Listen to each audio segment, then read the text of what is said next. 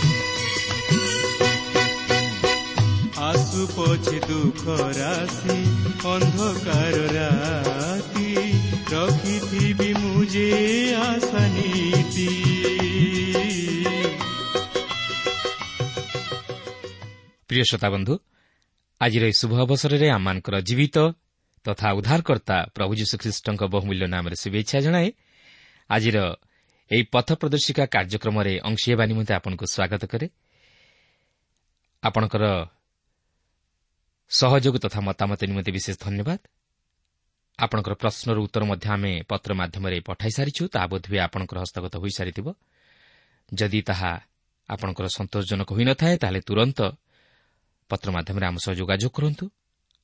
ଆଉ ବିଶେଷ ଅନୁରୋଧ ଆପଣ ନିଜେ ଏହି କାର୍ଯ୍ୟକ୍ରମ ଶୁଣିବା ସଙ୍ଗେ ସଙ୍ଗେ ଅନ୍ୟମାନଙ୍କୁ ମଧ୍ୟ ଶୁଣାଇବାରେ ସାହାଯ୍ୟ କରନ୍ତୁ। ଆଉ ସେମାନଙ୍କୁ ଆମ ସହ ପତ୍ର ମାଧ୍ୟମରେ ଯୋଗାଯୋଗ କରିବା ନିମନ୍ତେ ଉତ୍ସାହିତ କରନ୍ତୁ। ଏଥିସହିତ ଆପଣଙ୍କର ଯଦି କୌଣସି ପ୍ରାର୍ଥନାର ଅନୁରୋଧ ରହିଅଛି କିମ୍ବା ଜୀବନର ସାକ୍ଷ୍ୟ ରହିଅଛି ତାହେଲେ ତାହା ଲେଖି ଜଣାଇଲେ ଆମେ ଆପଣଙ୍କ ନିମନ୍ତେ ମଧ୍ୟ ପ୍ରାର୍ଥନା କରିବୁ। ପ୍ରଭୁ ଯୀଶୁଙ୍କର ଅନୁଗ୍ରହ ଆପଣଙ୍କର ସହବର୍ତ୍ତୀ ହେଉ।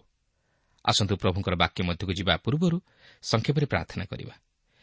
ପ୍ରିୟ ପବିତ୍ର ପ୍ରଭୁ ତୁମର ପବିତ୍ର ନାମର ଧନ୍ୟବାଦ କରୁଅଛୁ ଯେ ତୁମେ ଆମମାନଙ୍କୁ ଜୀବିତମାନଙ୍କ ମଧ୍ୟରେ ନାମ ସ୍ଥାନ ଦେଇଅଛ ପ୍ରଭୁ ଧନ୍ୟବାଦ କରୁଅଛୁ ଯେ ତୁମେ ଶ୍ରୋତାବନ୍ଧୁମାନଙ୍କର ସମସ୍ୟା ସମାଧାନ କରିଅଛ ତୁମେ ଅନେକଙ୍କୁ ସୁସ୍ଥତା ଦେଇଅଛ ହଁ ପ୍ରଭୁ ଆଜି ମଧ୍ୟ ଯେଉଁମାନେ ତୁମଠାରୁ ସୁସ୍ଥତାର ଅପେକ୍ଷାରେ ଅଛନ୍ତି ପ୍ରଭୁ ତୁମେ ସେମାନଙ୍କୁ ସୁସ୍ଥତା ଦିଅ ଯେଉଁମାନେ ପ୍ରଭୁ ପାପରୁ ଉଦ୍ଧାର ପାଇବା ନିମନ୍ତେ ପ୍ରଭୁ ତୁମ ନିକଟରେ ଅନୁତପ୍ତ ପ୍ରଭୁ ତୁମେ ସେମାନଙ୍କୁ ପାପରୁ ଉଦ୍ଧାର କରି ସେମାନଙ୍କ ଜୀବନରେ ସେହି ଶାନ୍ତି ଆନନ୍ଦ ତୁମେ ଭରିଦିଅ ପ୍ରଭୁ ପ୍ରତ୍ୟେକଙ୍କର ସମସ୍ୟା ତୁମେ ସମାଧାନ କର ଆଜିର ଏହି କାର୍ଯ୍ୟକ୍ରମ ମଧ୍ୟ ଦେଇ ତୁମେ ଆମମାନଙ୍କ ସହିତ କଥା କୁହ ତୁମର ପବିତ୍ର ଉପସ୍ଥିତି ଆମମାନଙ୍କୁ ଉପଲବ୍ଧି କରିବା ପାଇଁ ଦିଅ ଆଜିର ଏହି କାର୍ଯ୍ୟକ୍ରମ ମଧ୍ୟ ଦେଇ ତୁମେ ଆମଙ୍କର ସଙ୍ଗରେ କଥା କୁହ ଯୀଶୁଙ୍କ ନାମରେ ମାଗୁଅଛୁ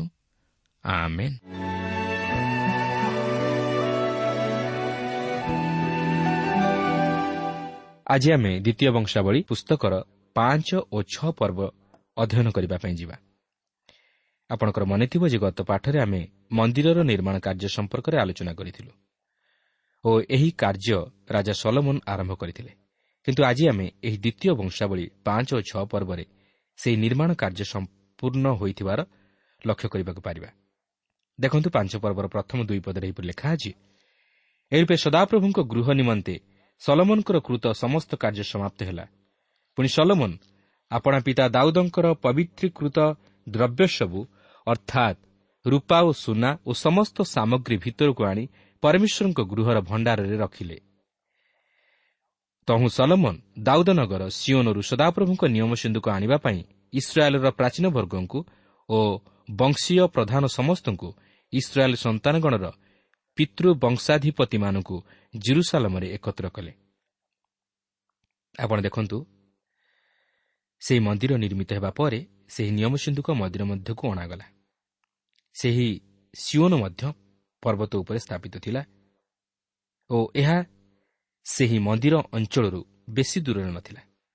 ତେବେ ଦାଉଦ ଯେଉଁ ସ୍ଥାନରେ ନିୟମ ସିନ୍ଧୁକକୁ ରଖିଥିଲେ ତାହା ପ୍ରକୃତ କେଉଁ ସ୍ଥାନ ଥିଲା ତାହା ଆମେମାନେ ଜାଣିନାହୁଁ ମାତ୍ର ଏହା ସେହି ଦାଉଦଙ୍କ ନଗରରେ ଥିଲା ଯାହାକି ସିଓନ ପର୍ବତ ଅଟେ। ତେବେ ତାହା ଏତେ ବିସ୍ତୃତ ଅଞ୍ଚଳ ନୁହେଁ ଓ ତାହା ମଧ୍ୟ ମନ୍ଦିର ଅଞ୍ଚଳରୁ ବେଶୀ ଦୂର ନୁହେଁ। ଛଅ ପଦରେ ଲେଖା ଅଛି ଆଉ ସଲମନ ରାଜା ଓ ତାଙ୍କ ନିକଟରେ ଏକତ୍ରିତ ଇସ୍ରାଏଲ୍ର ସମଗ୍ର ମଣ୍ଡଳୀ ସିନ୍ଧୁକ ସମ୍ମୁଖରେ ଥାଇ ମେଷ ଓ ଗୋରୁ ବଳିଦାନ କଲେ। ବାହୁଲ୍ୟ ପ୍ରଯୁକ୍ତ ତାହା ସବୁ ଅସଂଖ୍ୟ ଓ ଅଗଣୀୟ ଥିଲା। ଏଠାରେ ଚିନ୍ତାର ବିଷୟ ହେଉଛି ସେମାନେ ସେହିସବୁ ବଳିଦାନର ହିସାବ ରଖିବାକୁ ଚେଷ୍ଟା କଲେ ନାହିଁ ଯେହେତୁ ସେହି ବଳିଦାନ ପ୍ରଭୁ ଯୀଶୁଖ୍ରୀଷ୍ଟଙ୍କର ବଳିଦାନକୁ ଉପସ୍ଥାପିତ କରେ। କାରଣ ଖ୍ରୀଷ୍ଟଙ୍କର ବଳିଦାନର ମୂଲ୍ୟକୁ କେହି କଳନା କରିପାରିବେ ନାହିଁ। ସାତରୁ ନଅ ପଦ ମଧ୍ୟରେ ଏହିପରି ଲେଖା ଅଛି ତ ଯାଜକମାନେ ସଦାପ୍ରଭୁଙ୍କ ନିୟମ ସିନ୍ଧୁକ ତହିଁର ସ୍ଥାନକୁ ଅର୍ଥାତ୍ ଗୃହର ଗର୍ଭାଗାର ମହାପବିତ୍ର ସ୍ଥାନ କିରୁବ ଦ୍ୱୟର ପକ୍ଷ ତଳକୁ ଆଣିଲେ। ସେହି କିରୁବମାନେ ସିନ୍ଧୁକ ସ୍ଥାନ ଉପରେ ପକ୍ଷ ବିସ୍ତାର କରିଥିଲେ ଓ କିରୁବମାନେ ଉର୍ଦ୍ଧ୍ୱରୁ ସିନ୍ଧୁକ ଓ ତହିଁର ସାଙ୍ଗି ଆଚ୍ଛାଦନ କଲେ। ପୁଣି ସେହି ସାଙ୍ଗି ଏତେ ଲମ୍ବ ଥିଲା ଯେ ତହିଁର ଅଗ୍ରଭାଗ ଗର୍ଭାଗାର ସମ୍ମୁଖରେ ସିନ୍ଧୁକଠାରୁ ଦେଖାଗଲା। ମାତ୍ର ବାହାରକୁ ଦେଖାଗଲା ନାହିଁ ଆଜି ପର୍ଯ୍ୟନ୍ତ ତାହା ସେହି ସ୍ଥାନରେ ଅଛି। ତେବେ ଏଠାରେ ଯେଉଁ ଲେଖା ଅଛି ଯେ ଆଜି ପର୍ଯ୍ୟନ୍ତ ତାହା ସେହି ସ୍ଥାନରେ ଅଛି ଏହି ବିଷୟ ଏହି ପୁସ୍ତକ ଲେଖାଯିବାର ସମୟକୁ ପ୍ରକାଶ କରେ।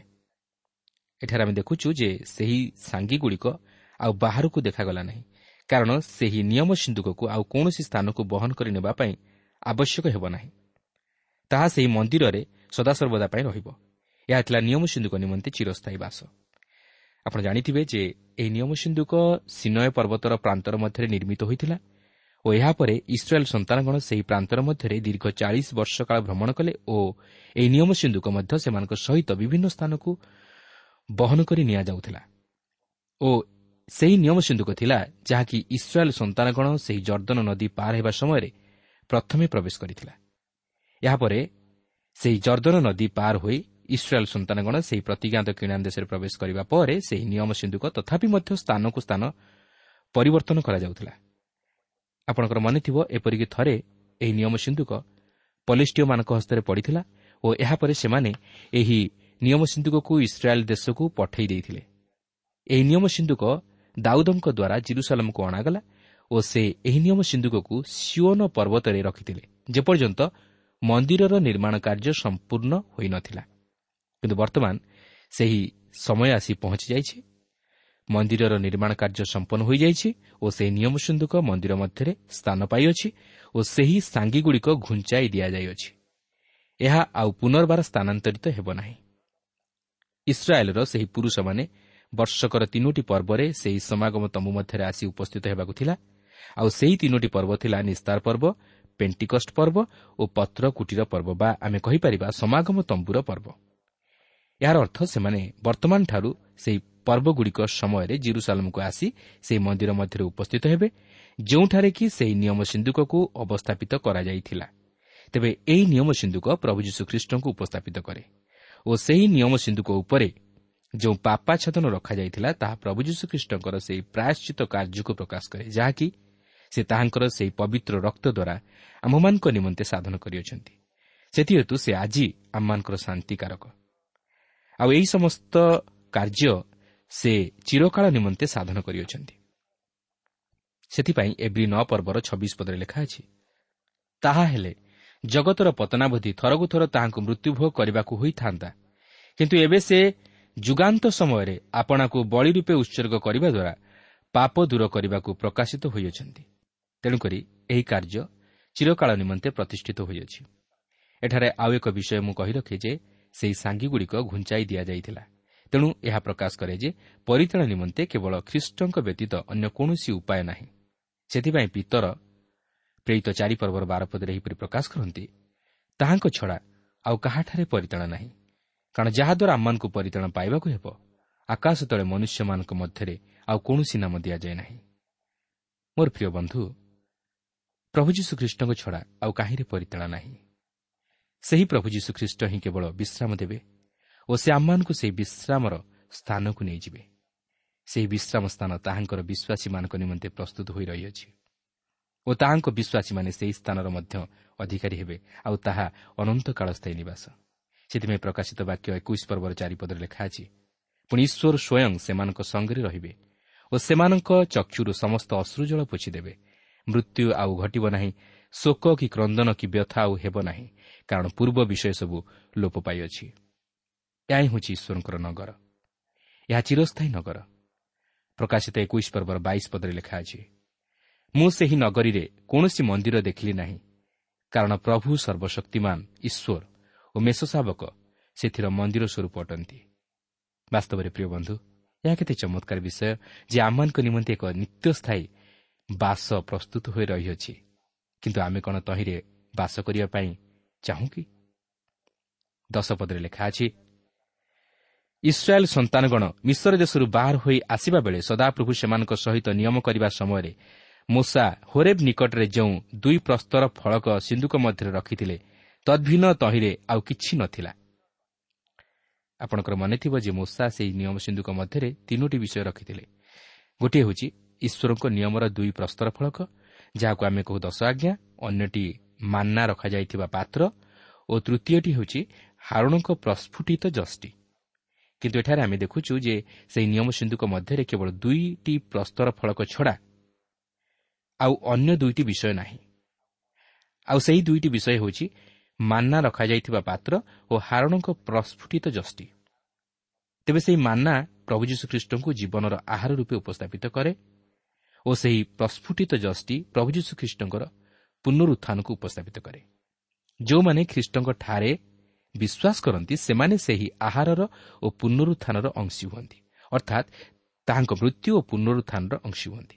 କାରଣ ପ୍ରଭୁ ଯୀଶୁଖ୍ରୀଷ୍ଟଙ୍କର ସେହି ଯାଜକତ୍ୱ ପଦ ତାଙ୍କର ପୁନରୁତ୍ଥାନ ଉପରେ ପ୍ରତିଷ୍ଠିତ। ଯେପରିକି ହାରଣଙ୍କ ମଞ୍ଜରିତ ଜଷ୍ଟି ଯାଜକତ୍ୱ ପଦ ପ୍ରକାଶ କରେ। ତେବେ ଏଗାର ପଦରେ ଏହିପରି ଲେଖା ଅଛି ଉପସ୍ଥିତ ଯାଜକ ସମସ୍ତେ ଆପଣାମାନଙ୍କୁ ପବିତ୍ର କରିଥିଲେ ଓ ଆପଣା ଆପଣା ପାଳିର କର୍ମ କରୁନଥିଲେ।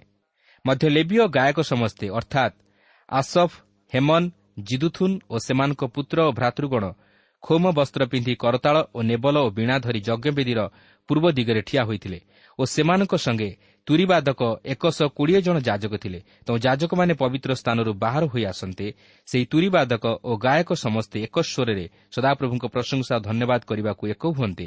ପୁଣି ସଦାପ୍ରଭୁ ମଙ୍ଗଳମୟ କାରଣ ତାହାଙ୍କର କରୁଣା ସଦାକାଳ ସ୍ଥାୟୀ ଏହା ବୋଲି ସେମାନେ ତୁରି ଓ କରତାଳ ଓ ବାଦ୍ୟଯନ୍ତ୍ର ସହିତ ଉଚ୍ଚସ୍ୱରରେ ତାହାଙ୍କର ପ୍ରଶଂସା ଧ୍ୱନି କରନ୍ତେ ସେହି ଗୃହ ଅର୍ଥାତ୍ ସଦାପ୍ରଭୁଙ୍କ ଗୃହ ଏକ ମେଘରେ ଏରୂପ ପରିପୂର୍ଣ୍ଣ ହେଲା ଯେ ଯାଜକମାନେ ସେହି ମେଘ ସକାଶୁ ପରିଚର୍ଯା କରିବାକୁ ଠିଆ ହୋଇପାରିଲେ ନାହିଁ କାରଣ ସଦାପ୍ରଭୁଙ୍କ ପ୍ରତାପ ସଦାପ୍ରଭୁଙ୍କ ଗୃହକୁ ପରିପୂର୍ଣ୍ଣ କଲା।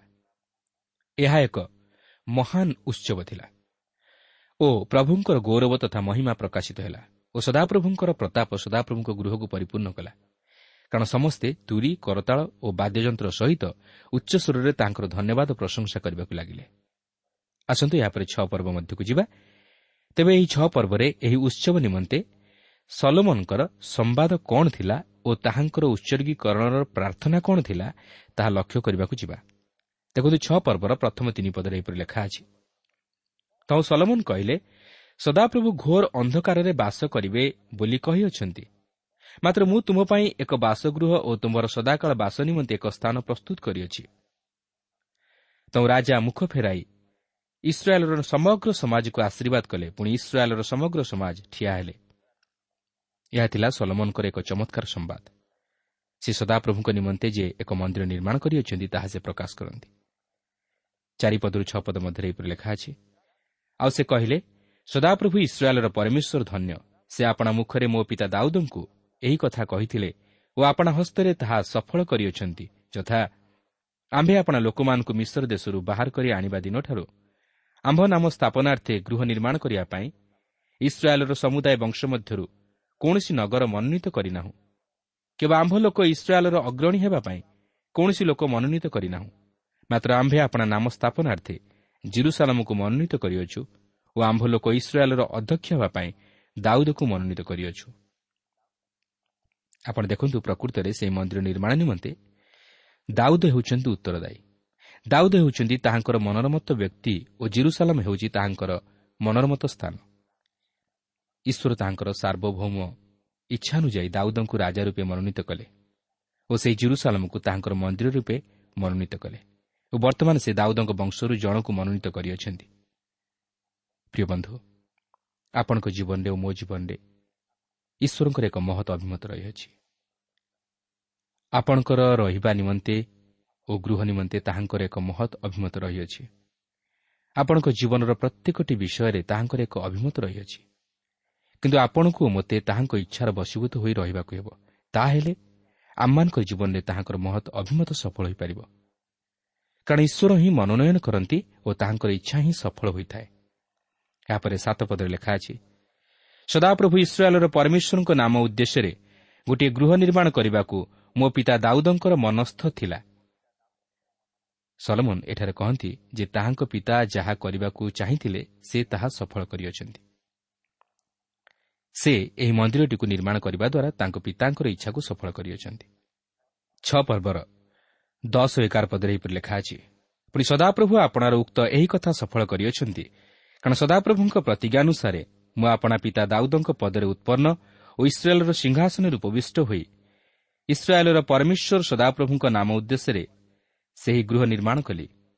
ଆଉ ମୁଁ ତହିଁରେ ଇସ୍ରାଏଲ୍ ସନ୍ତାନଗଣ ସହିତ ସଦାପ୍ରଭୁଙ୍କ କୃତ ନିୟମର ଆଧାର ସିନ୍ଧୁକ ସ୍ଥାପନ କରିଅଛି। ଏହା ହିଁ ହେଉଛି ଗୁରୁତ୍ୱପୂର୍ଣ୍ଣ ବିଷୟ। ସଲମନ କହିବାକୁ ଚାହାନ୍ତି ଯେ ସେ ନିଜର ଇଚ୍ଛାକୁ ପୂରଣ କରିବାକୁ ଯାଇ ବା ନିଜର ଗୌରବ ନେବାକୁ ଯାଇ ଏହି ମନ୍ଦିରଟିକୁ ନିର୍ମାଣ କରିନାହାନ୍ତି ମାତ୍ର ଈଶ୍ୱରଙ୍କ ଇଚ୍ଛାକୁ ସଫଳ କରିବାକୁ ଯାଇ ଓ ଈଶ୍ୱରଙ୍କୁ ଗୌରବ ଦେବାକୁ ଯାଇ ଏହି ମନ୍ଦିରଟିକୁ ନିର୍ମାଣ କରିଅଛନ୍ତି। ଏହାପରେ ଆସନ୍ତୁ ଦେଖିବା ସଲମନଙ୍କର ଉତ୍ସର୍ଗୀକୃତ ପ୍ରାର୍ଥନା। ଏହା ଏକ ଚମତ୍କାର ପ୍ରାର୍ଥନା।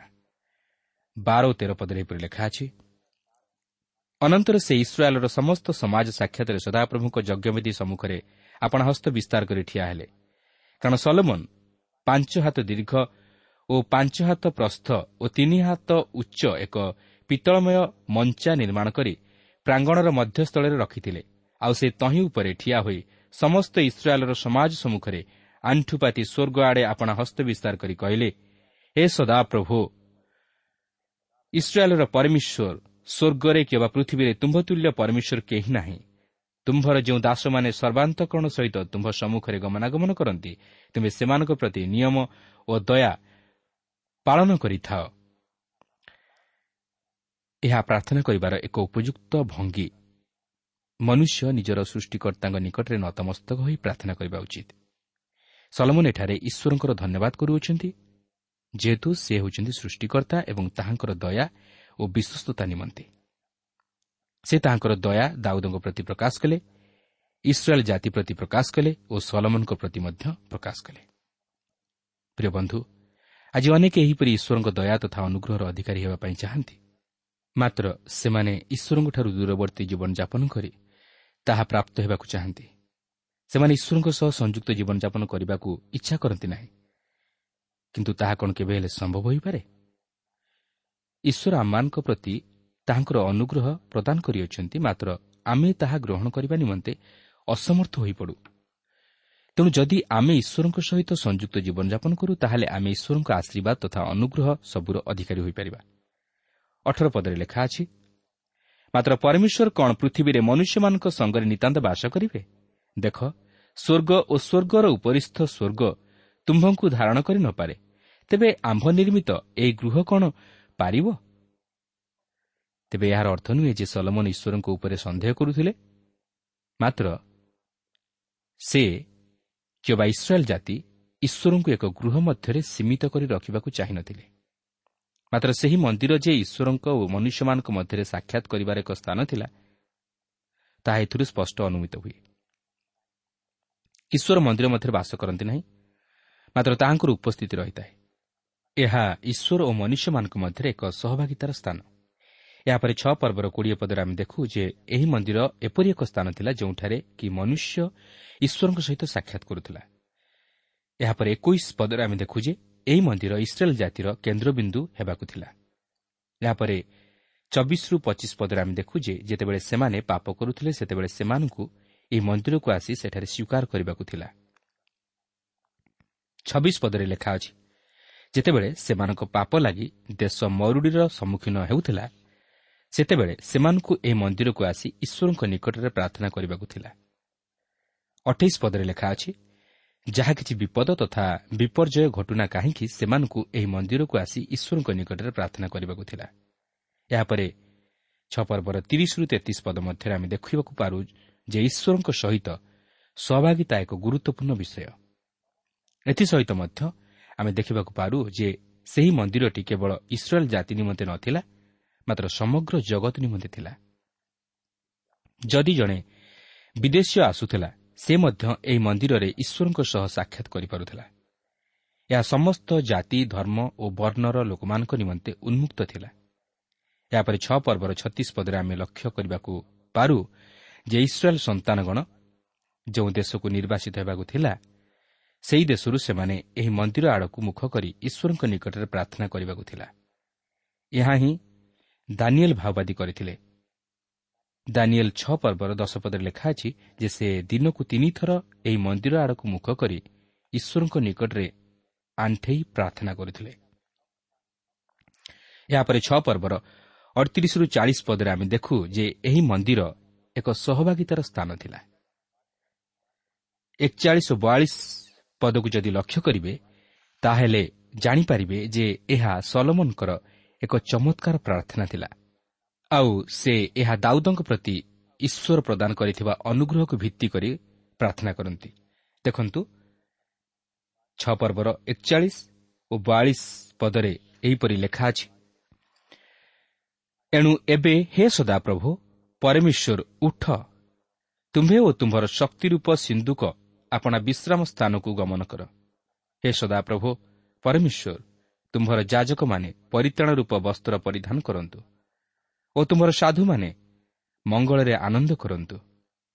ହେ ସଦାପ୍ରଭୁ ପରମେଶ୍ୱର ଆପଣା ଅଭିଷିକ୍ତର ମୁଖ ଫେରାଇ ନ ଦିଅ। ଆପଣା ଦାସ ଦାଉଦଙ୍କ ପ୍ରତି ଦୟା ସବୁ ସ୍ମରଣ କର। ଆପଣ ଓ ମୁଁ ଆମେ ମଧ୍ୟ ପ୍ରାର୍ଥନା କରିବା ଉଚିତ। ଯେହେତୁ ପ୍ରଭୁ ଯୀଶୁଖ୍ରୀଷ୍ଟ ତାହାଙ୍କର ସେହି ପବିତ୍ର ରକ୍ତ ଦ୍ୱାରା ଆମ୍ଭମାନଙ୍କ ନିମନ୍ତେ ମୁକ୍ତି ସାଧନ କରି ଈଶ୍ୱରଙ୍କ ଅନୁଗ୍ରହର ଅଧିକାରୀ କରାଇଅଛନ୍ତି ଈଶ୍ୱର ସେହି ପ୍ରଭୁ ଯୀଶୁଖ୍ରୀଷ୍ଟଙ୍କ ମଧ୍ୟ ଦେଇ ଆମ୍ଭମାନଙ୍କ ପ୍ରତି ତାହାଙ୍କର ଅନୁଗ୍ରହ ପ୍ରଦାନ କରିଅଛନ୍ତି କିନ୍ତୁ ସେହି ଅନୁଗ୍ରହକୁ ଗ୍ରହଣ କରିବା ନିମନ୍ତେ ଆମ୍ଭେମାନେ ପ୍ରଭୁ ଯୀଶୁଖ୍ରୀଷ୍ଟଙ୍କର ନିକଟବର୍ତ୍ତୀ ହୋଇ ତାହାଙ୍କୁ ନିଜ ହୃଦୟରେ ବିଶ୍ୱାସର ସହିତ ଗ୍ରହଣ କରିବାକୁ ହେବ। ତେଣୁ ପ୍ରିୟ ବନ୍ଧୁ ସେହି ପ୍ରଭୁ ଯୀଶୁଖ୍ରୀଷ୍ଟ ହେଉଛନ୍ତି ଆମମାନଙ୍କର ଜୀବନର କେନ୍ଦ୍ର ସ୍ଥଳ ସେହି ପ୍ରଭୁ ଯୀଶୁଖ୍ରୀଷ୍ଟ ହେଉଛନ୍ତି ଆମମାନଙ୍କ ଜୀବନର କେନ୍ଦ୍ରବିନ୍ଦୁ।